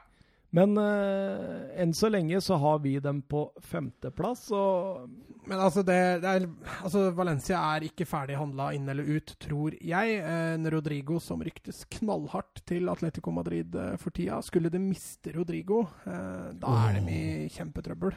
Eh, de har fått inn, Vi etterlyste jo at de måtte forsterke seg defensivt hvis vi skulle dytte dem opp på fjerdeplassen. De har fått inn uh, Mangala, men uh, så, kan, så, kan vi jo diskutere om det er en eh, forsterkning eller ikke. Det diskuterer jeg sånn, Mats. Eh, men, men en Gomez helt klart forsterkende, og en Sillesen er nok også et hakk opp fra, fra Neto. Eh, men eh, fortsatt så ser jeg at det er et høl igjen på høyrebekken, og fortsatt så er, det, er stoppeplassen ved siden av Garay eh, åpen. Men ellers så ser Valencia ganske solide ut, med unntak av hvis Rodrigo drar. Altså, I praksis da, så har de jo bare bytta Neto med Sillesen og Santimina med Maxi Gomez. Ja. Og så har de fått inn Mangala i et allerede vaklende midtforsvar. Ja Altså, Garay er brukbar, han, for all del, men uh, Paulista, Gabriel Paulista er jo ikke god. Nei, ja, så har de jo har de også mista Som vi var inne på, så forsvant jo Ja, nå sto det helt stille oppi huet mitt, men uh, de har jo Ruben Veso, som også har dratt, så de, de mangler litt både bredde og kvalitet. Aron Ron Coglia og for så vidt er jo borte. Uh, så de mangler både bredde og kvalitet i det defensive. Og det er eh, hovedgrunnen, egentlig, til at vi dytter dem et hakk ned. Men Guedes og Soler er der ennå. Ja, og så har de to supertalenter i Ferran Torres og, og Kang In fra, fra Sør-Korea. Eh, ser meget spennende ut, eh, de kara der. Kondogbia sentralt sammen med Parejo er nok en av de beste sentrale midtbanene i Spania. Mm. Så Nei, det ser jo det ser OK ut offensivt. Eller det ser egentlig bra ut offensivt. Det er jo, det er jo defensivt det skorter. Ja, og litt i styrerommet. Ja, det er litt utenomsportslig der som kan kanskje påvirke litt. Skal vi gå til topp fire, eller? Ja. Åh, Champions League-spottene der, altså. Og det første laget som får eh, Champions League-plass, plass nummer fire Vi kan vel bare si Monchi is back! Ja, og det med bravur, eller i hvert fall eh, skikkelig trommesett. For det bråker. Nå er sjekkheftet ute.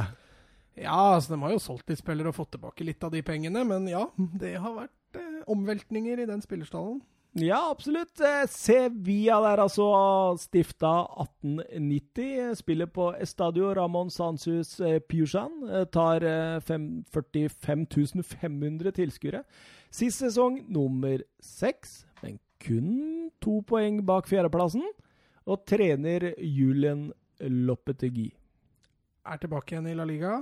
Ja Han eh, hadde et, eh, ja, han hadde et relativt mislykka opphold i Real Madrid. Han fikk jo riktignok ikke prøve seg så altfor lenge, men eh, hva den mannen er kapabel til, det, det tror jeg er ganske mye.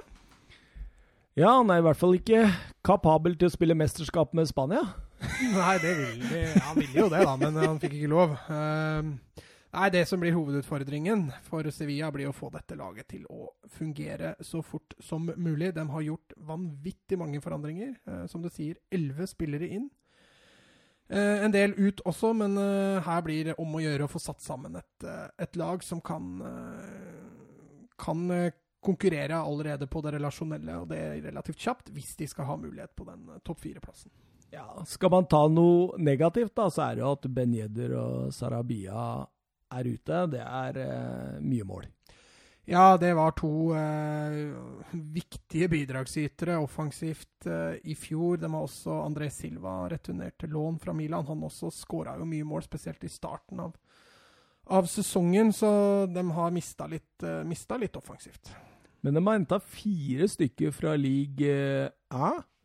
Ja, men Sevilla har, eh, har historie for å hente billig fra ligaen og selge dyrt, så det er ikke nødvendigvis noe tap. Ja, Vi har jo snakka tidligere i podkasten om eh, stoppertalentet Holes eh, Kunde, Mm. som, som er en god stopper. En enormt talent. Ja. Ronny Lopez, høyrekanten fra Vare Monaco. Monaco. Eh, Diego Carlos har kommet, og Lucas Ocampos, eh, siste fra Marseille. Der er jeg veldig sans for. Ja, det er et spennende, spennende kjøp. Eh, tar du det videre, og så er det jo blant annet da, Regilon er jo kommet på lån fra Han er god. Han er bra, kommer til å forsterke, men de har allerede Scudero der, så de, de er egentlig godt forspent på venstrebekken. De har fått inn en Oliver Torres som jeg har allerede hylla litt før. Jeg ser han har meget gode ferdigheter, men han har, er litt uforløst. Han har ikke slått helt gjennom. Veldig spennende å se om, om Julen Lopotegi får til noe med han. Uh, offensivt så er det jo Dabor og de Jong blir jo sammen med Munir som skal Luke de Jong, altså. Gode gamle. Ja, gode gamle. Og så har de jo kjempetalentet. Brian Gill, som man venter litt på, skårte jo sitt første mål i fjor. Eh, spennende å se om han kan ta det siste steget. Eh, Wøber også har jo, har jo forlatt. Ja, nei, det blir spennende å se. Jeg tror dette her eh, er nok til en eh, til en uh, fjerdeplass. Ja, altså, jeg tror, uh, tror, ikke det er noen som kan tukte den. Ja. ja, altså Defensivt også er det, er det fortsatt solid. De har fortsatt beholdt både Gomez og Kjær og, og Carizzo bak der. Så Bredde bak òg, altså. Ja, de har, uh, ja. de har både en sterk førsteelver og en bra bredde. og Det er det som gjør at vi, vi flytter dem opp to hakk fra i fjor. De skal riktignok spille Europaligaen, men, men når du har bredden og kvaliteten, så, ja. så tror vi det blir bra. Og Thomas uh, Waklic i mål, eller? Ja, Han var solid i fjor, så jeg tror mm. han uh, får en ny sjanse i år. Ja. Åssen eh, tror du Beck, fireren bak deg kommer til å se ut i de viktigste kampene? Blir det Region Condé, Carlos og Navas? Ja, at Navas kan bli en fast høyrebekk i år. De har kvitta seg, eller leid ut Alers Vidal, så da, da, blir jo den høyrebekken litt mer, mer åpen. Kjær hadde jo en fantastisk sesong i fjor. Det blir ikke så lett å benke han, nå er han vel skada, men Uh, at en Kondé kommer til å gå rett inn der, det, det tror jeg. Uh, så blir det en kamp med, på venstrebekken også, med Scudero. Nei, det blir ikke lett, altså. Han har en jobb, og han har et luksusproblem, godeste Lopotegi, både i forsvaret og på midten. Men også en viktig ting å nevne er jo at Ever Banega fortsatt er i Sevilla. Han uh, var jo sterkt rykta hjem igjen til Argentina i sommer. At de har greid å beholde han, det kan, eh, det kan være tungen på vektskåla som gjør at de får eh, Champions League neste år. Ja. Skal vi bare hoppe til plass nummer tre? Ja. Kanskje det mest spennende i forhold til sånn Men vi har satt Mest spennende i forhold til hva? Nei, i forhold til uh, liksom oh, ja, hvem, topp tre, da. Ja, hvem du har der. Ja. Uh, men vi har satt Real. Madrid, ja. Madrid. Vi har vært litt tøffe der, altså. Ja, jeg syns det. Vi setter dem på tre, men det var tre i fjor. Spiller på Santiago Bernabeu stadion. 85 454 plasser står det at det er på Santiago. Nå skal den pusses opp, så da kommer den til å øke. Ja. Eh, stifta i 1902 og trener ja, en av, de som gjør, ja, en av de som gjør at jeg tenker at uh, dette ikke kommer til å gå helt til topps, uh, Zinedine Zidane. Ja, du har jo allerede snakka han litt ned og ja. sagt at han er litt oppskrytt. Tre ganger Champions League-mester har jeg snakka ned. Men det er jo litt altså, som jeg sa til deg før, og ikke sånn tar du verdens beste varer, så er, det, så er det greit å lage en god matrett. Ikke altså, sant? Den sommeren de har hatt nå, virker de nesten litt desperate, sånn rent sportslig. De starta i 4-3-3 i vante Zidane. Nå har de avslutta med, med 3-5-2, ja! Jeg så det mot Roma! Mot Roma! Så han har, han har begynt å Jeg veit ikke om det er et tegn på desperasjon, eller om han bare skal prøve noe nytt, men det har ikke fungert eh, resultatmessig i oppkjøringen, og, og mange av kampene til Real Madrid har vært meget svake. Ja, og det er, det er jo Jeg syns jo det er drama rundt en haug av spillere. Han Hames, Bale og til og med nyankomne Jovic nå. Det er jo snakk om at han skal lånes ut. Ja, det sto det at uh, Zidane var svært misfornøyd med det Jovic har kommet på bordet med. Han, uh, han er visst ikke i nærheten, og, og han må leies ut, har uh, de siste ryktene vært på. Det er galskap, vet du. Og har ikke fått inn den indreløperen. Modric og Cross, er det godt nok? Jeg er litt usikker. Ja, begynner å, bli, eh, begynner å dra litt på åra òg. Eh, ja. Nå har de også vært sterkt rykta til van de Beek. Uh, ja, men det er ikke løsninga, vet du. Nei, ikke i år i hvert fall. Han, han burde absolutt bli i Ajax et år til. Så vi ser Mariano Diaz er jo rykta ut. Hvis Rodrigo drar til Atletico, så skal Valencia hente Mariano Diaz. Som vi har vært inne på før, de har fortsatt altfor mange offensive spillere i den, uh, i den, stallen. Og Zidane kommer aldri i verden til å greie å holde alle de fornøyd, uh, med tanke på spilletid. I hvert fall hvis han skal legge om til 3-5-2. Da har han jo tidenes luksusproblem. Bare det galskapet da med å hente Ferland Mendy som motivator for uh, for godeste Marcelo. Marcelo. Ja. Ja, altså og Marce- så har du regionen allerede i troppen, som kunne vært en mer enn god nok motivator for den. Mm, Ja, nei, altså Galskap. Marcelo har jo fått spille mest i oppkjøringa òg.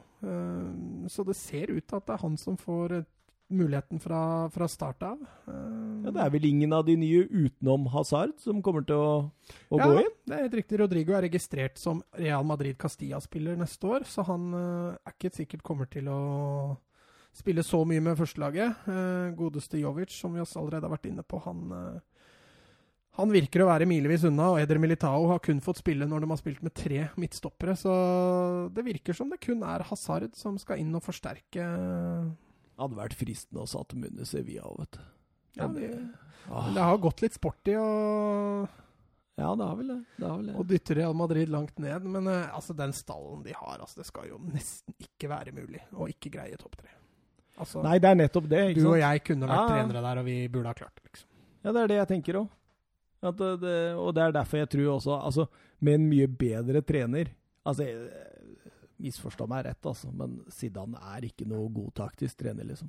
Nei, det ser man også på kampen. At, eh, at han vinner fordi han har det klart beste laget, eh, ikke fordi han nødvendigvis gjør så mange korrekte bytter og setter opp riktig inngang til kamper og sånne ting. For du ser Real Madrid ofte sliter i, i enkelte matcher, og det er et stort spørsmålstegn, dette Real Madrid-laget nå, altså.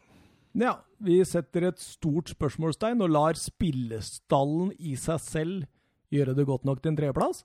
Ja.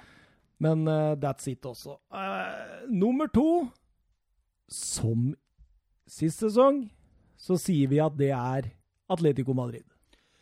Ja, der også er det litt spørsmålstegn, riktignok, men, men der er det i hvert fall kontinuitet og en spillestil som, og, en, og en identitet som er seg selv lik, tror jeg. Kanskje de legger om lite grann, men uh, Ja, ikke helt kontinuitet på spillersida akkurat Nei, nå. men på, trener, på trenersida. Altså, de har litt på spillersida, men det har vært en voldsom omveltning i, uh, i Madrid.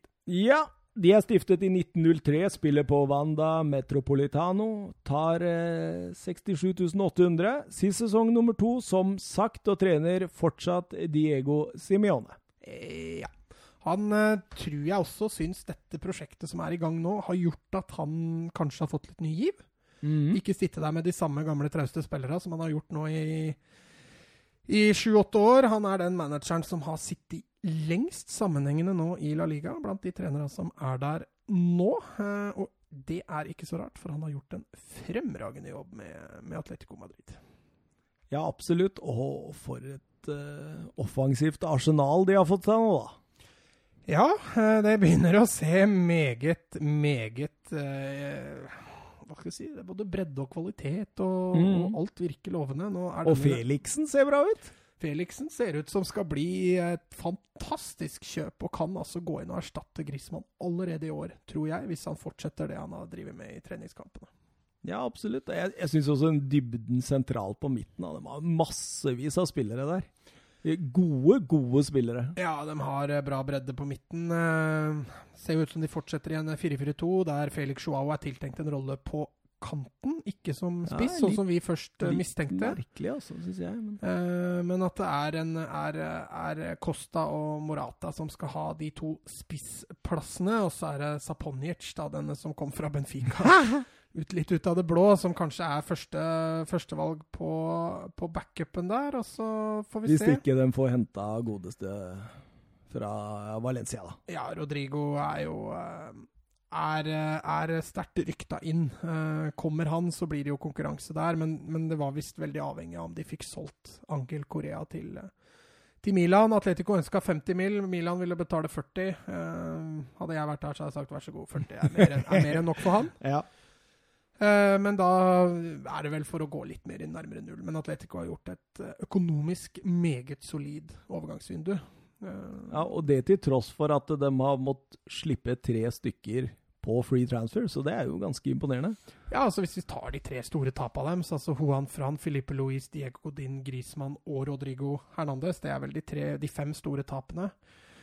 Eh, de tre av dem som du sier har gått på free transfer, to av dem har de fått nesten 200 millioner for.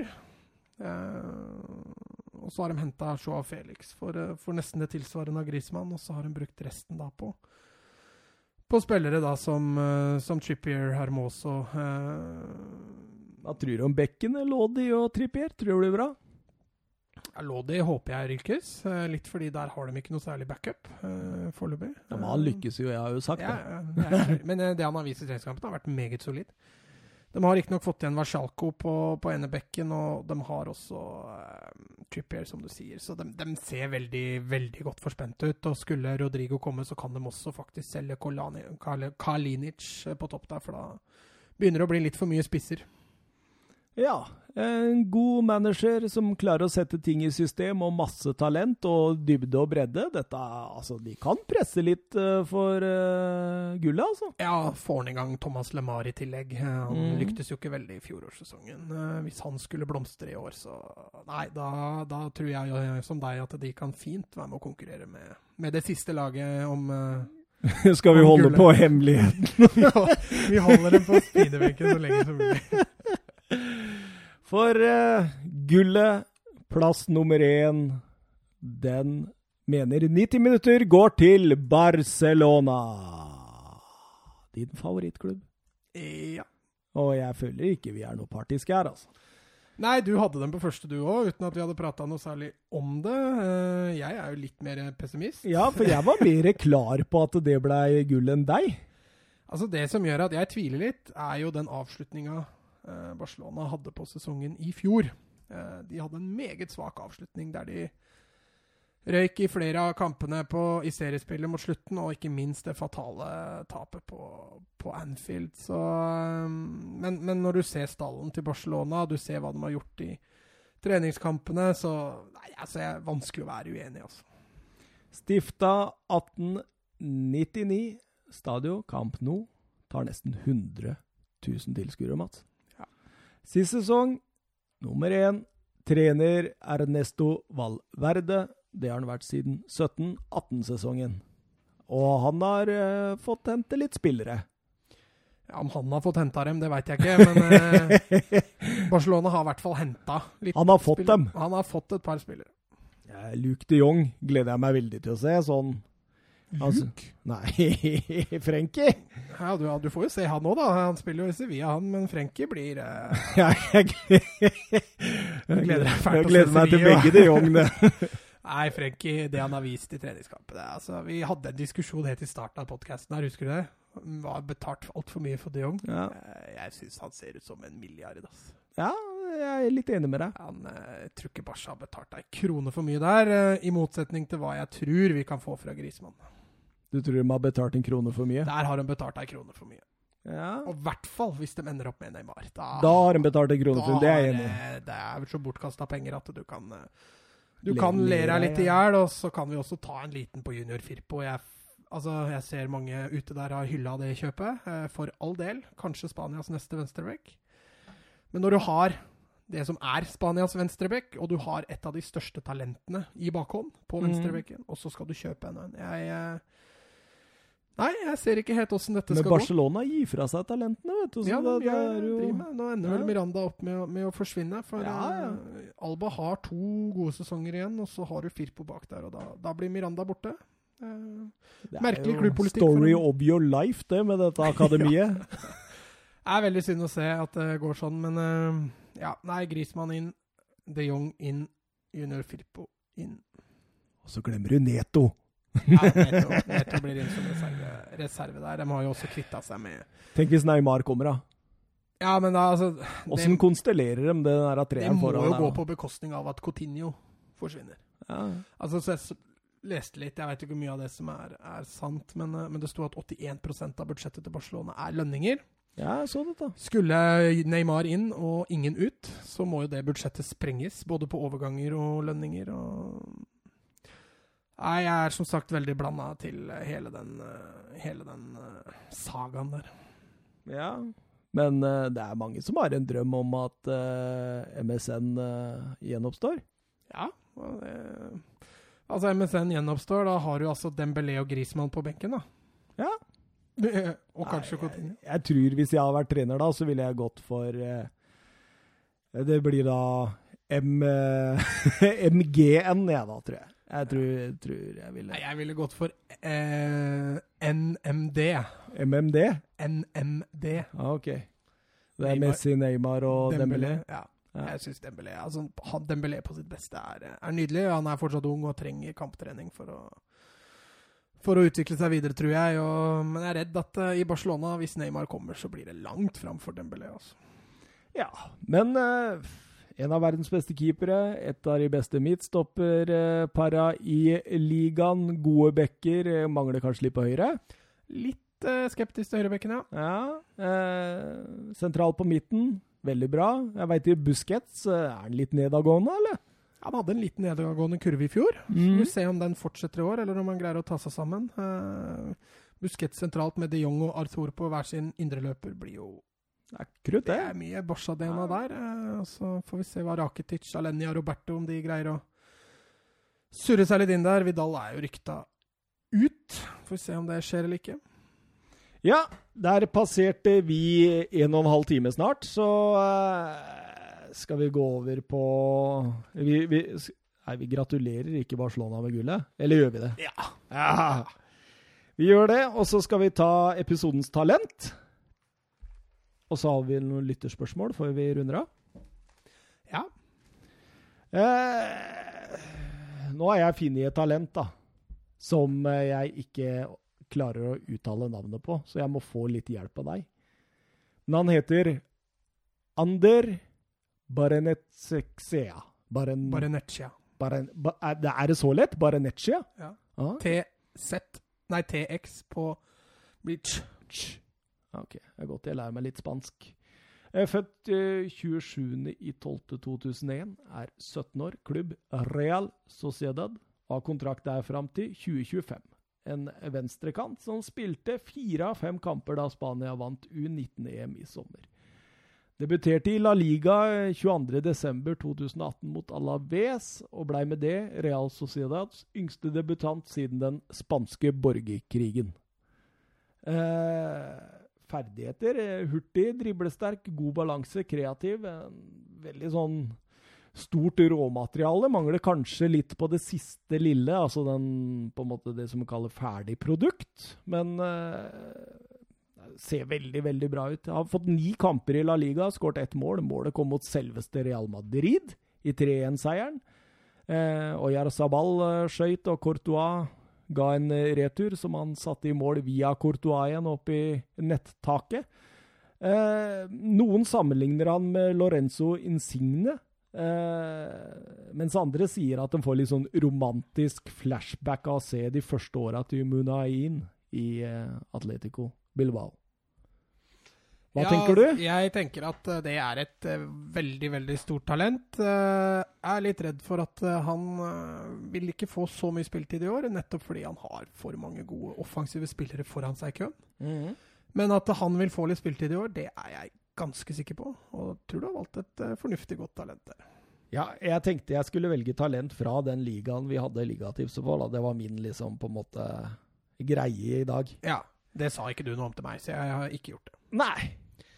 Jeg har valgt eh, Jon Lucemi Bonilla, eh, colombiansk stopper. Han er bra. Han er bra. han. Sony Copan. Han eh, er fortsatt bare 21 år riktignok blitt, men han spiller altså for klubben Genk. Kommer fra Deportivo Cali i Colombia. Eh, fjorårssesongen spilte han 18 kamper, samt to da for det colombianske landslaget. Eh, denne sesongen her så har han så langt spilt én kamp for Genk, og virker egentlig allerede å ha spilt seg inn til fast plass på mm. Genk, som Ja. skal altså ut og konkurrere i Europa i år. Eh, er en meget robust spillertype. Kan spille på begge midtstopperplassene, naturlig nok. Eh, kan også spille venstreback, i og med at han er, eh, er skjærbeint. Og blir nok, er nok kanskje blir nok også litt mer sånn duelltype. Ikke så stor som Jeremina, men, men ligner faktisk litt i utseendet på, på Mr. Mina. Uh, tror også han kan passe meget bra i de store ligaene, og i løpet av én til to sesonger så tror jeg vi har uh, Mr. uh, Mr. Lucemi i en av de store ligaene. Ja. Nei, jeg husker jeg var imponert over Han spilte vel siste kampen for Colombia i Copaen. Husker han? Ja, han spilte én oppkjøringskamp til Copaen og én kamp i, Ja, stemmer. i Copa. Jeg husker han, jeg syns han var bra. Eh, lytterspørsmål. Vi har ikke fått inn så mange, og det handler vel litt om eh, Vi fikk en fra Jonathan eh, Hobber her, som sier at eh, det er litt vanskelig å stille spørsmål til tabelltipsepisoder. Ja, I hvert fall når du ikke veit hva du har tipsa om. så blir ikke det så lett. Men regner med at vi får svaret på det meste uansett. Men han skryter av oss, da. Fantastisk jobba, karer. Dere er ekstremt dyktige. Takk, og stå på. Takk for at dere står på og gjør det dere gjør for oss fotballnerds. Mm. Det er artig. Det er gøy. Jørgen eh, Be Ready han sier at jeg ser det går en liten sport i å tippe Real Madrid under utenfor topp fire. Finnes det noe prosent realisme bak det, eller blir det bare tull og tøys? Altså, det Tull og tøys, sier jeg. Ja. Det skal mye til, altså, for at de Ja, havner utafor uh, topp fire. Men det er klart et, Nei. Altså, Sevilla og Valencia kan eh, hvis, Sevilla kan gå forbi, men ikke Valencia. ja, hvis de får orden og får inn Nei, Nei, nei, akkurat nei. når vi snakker nå, så er det tull og tøys. Tull og tøys, tull og tøys. Eh, Didrik Tofte Nilsen, eh, gode nyheter, folkens. Ja, sikkert at vi skal spille inn Få høre, få høre en god nyhet. Eh, jeg trodde han hadde en god nyhet til oss. Ja. Jeg skjønte det. Eh, hvorfor er Barcelona så gira på Neymar? De går jo på akkord med seg selv. Eh, og en klubb som allerede bruker 81% av stabil inntekt på lønninger, så vil, det, vil den skyte i været. Han er 28 og en del skader nå. Jeg forstår det bare ikke. Nei, jeg var jo akkurat Ja, innpå det der. Det, det var spot on. Nei, jeg har egentlig ikke så mye forståelse på at de skal ha Neymar på død og liv. For all del en spiller som ville forsterka. Men eh, historikken hans i klubben, eh, hva han kommer til å tilføre Barca som Barca allerede ikke har eh, Nei, jeg ser ikke helt eh, Og så ender det opp med at Coutinho går andre veien, og de må, i tillegg må betale en del kroner til PSG. Og nei, jeg, jeg syns det er tull og tøys. Tull og tøys igjen. To tull og tøys på slutten, da. Ja, to tull og tøys. Én skryt og to tull og tøys. Ja. Ah. Nei, vi eh, bare avslutter denne, vi, for vi skal spille inn eh, episode nummer 22 rett etterpå. Ja. Så eh, til den gang, eh, på gjensyn.